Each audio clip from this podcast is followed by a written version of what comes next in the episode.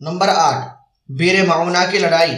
بیر معونہ کی ایک مشہور لڑائی ہے، جس میں ستر صحابہ رضی اللہ عنہم اجمعین کی ایک بڑی جماعت پوری کی پوری شہید ہوئی، جن کو قرآ کہتے ہیں۔ اس لیے کہ سب حضرات قرآن مجید کے حافظ تھے اور سوائے چند مہاجرین کے اکثر انصار تھے۔ حضور صلی اللہ علیہ وسلم کو ان کے ساتھ بڑی محبت تھی۔ کیونکہ یہ حضرات رات کا اکثر حصہ ذکر و تلاوت میں گزارتے تھے اور دن کو حضور صلی اللہ علیہ وسلم کی بیویوں کے گھروں کی ضروریات، لکڑی، پانی وغیرہ پہنچایا کرتے تھے۔ اس مقبول جماعت کو نجد کا رہنے والا قوم بنی عامر کا ایک شخص، جس کا نام عامر بن مالک اور کنیت ابو برا تھی، اپنے ساتھ اپنی پناہ میں تبلیغ اور بعض کے نام سے لے گیا تھا۔ حضور اقدس صلی اللہ علیہ وسلم نے ارشاد بھی فرمایا کہ مجھے اندیشہ ہے کہ میرے اصحاب کو مسرت نہ پہنچے، مگر اس شخص نے بہت زیادہ اطمینان دلایا۔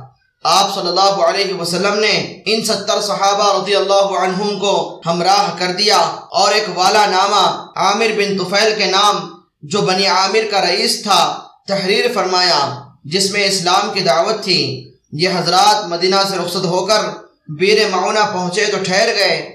اور دو ساتھی، ایک حضرت عمر بن امیہ، دوسرے حضرت منظر بن عمر، سب کے اونٹوں کو لے کر چرانے کے لیے تشریف لے گئے۔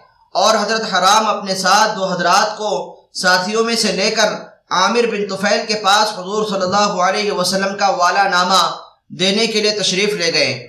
قریب پہنچ کر حضرت حرام نے اپنے دونوں ساتھیوں سے فرمایا کہ تم یہیں ٹھہر جاؤ، میں آگے جاتا ہوں۔ اگر میرے ساتھ کوئی دغا نہ کی گئی تو تم بھی چلے آنا۔ ورنہ یہیں سے واپس ہو جانا کہ تین کے مارے جانے سے ایک کا مارا جانا بہتر ہے۔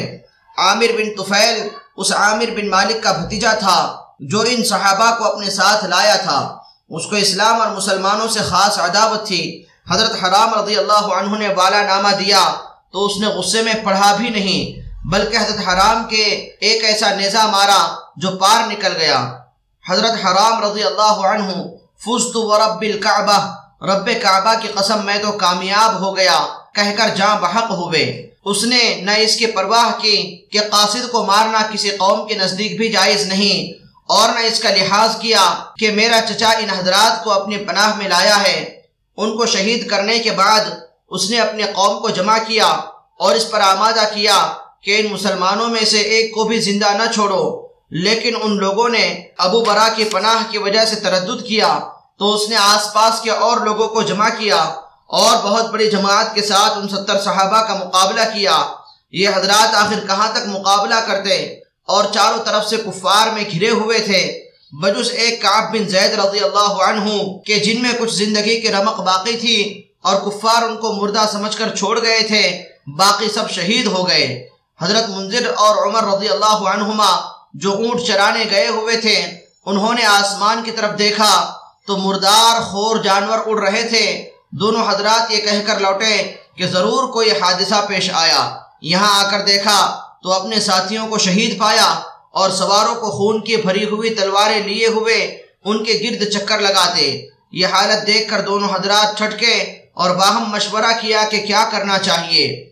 عمر بن امیہ رضی اللہ عنہ نے کہا کہ چلو واپس چل کر حضور صلی اللہ علیہ وسلم کو اطلاع دے مگر حضرت منظر رضی اللہ عنہ نے جواب دیا کہ خبر تو ہو ہی جاوے گی۔ میرا دل نہیں مانتا کہ شہادت کو چھوڑوں اور اس جگہ سے چلا جاؤں جہاں ہمارے دوست پڑے سو رہے ہیں۔ آگے بڑھو اور ساتھیوں سے جا ملو۔ چنانچہ دونوں آگے بڑھے اور میدان میں کود گئے۔ حضرت منظر رضی اللہ عنہ شہید ہوئے اور حضرت عمر بن امیہ گرفتار ہوئے۔ مگر چونکہ عامر کی ماں کے ذمے کسی منت کے سلسلے میں ایک غلام کا آزاد کرنا تھا اس لیے عامر نے ان کو اس منت میں آزاد کیا۔ ان حضرات میں حضرت ابو بکر صدیق رضی اللہ عنہ کے غلام حضرت عامر بن فہرا بھی تھے۔ ان کے قاتل جبار بن سلمہ کہتے ہیں کہ میں نے جب ان کے برچہ مارا اور وہ شہید ہوئے تو انہوں نے کہا فست واللہ، خدا کی قسم میں کامیاب ہوا۔ اس کے بعد میں نے دیکھا کہ ان کی ناش آسمان کو اڑی چلی گئی۔ میں بہت متحیر ہوا اور میں نے بعد میں لوگوں سے پوچھا کہ میں نے خود برچہ مارا، وہ مرے، لیکن پھر بھی وہ کہتے ہیں، میں کامیاب ہو گیا۔ تو وہ کامیابی کیا تھی؟ لوگوں نے بتایا کہ وہ کامیابی جنت کی تھی، اس پر میں مسلمان ہو گیا۔ فائدہ یہی ہے وہ لوگ جن پر اسلام کو بجا طور پر فخر ہے۔ بے شک موت ان کے لیے شراب سے زیادہ محبوب تھی۔ اور کیوں نہ ہوتی، جب دنیا میں کام ہی ایسے کیے تھے جن پر اللہ کے یہاں کی سرخ روئی یقینی تھی۔ اس لیے جو مرتا تھا وہ کامیاب ہوتا تھا۔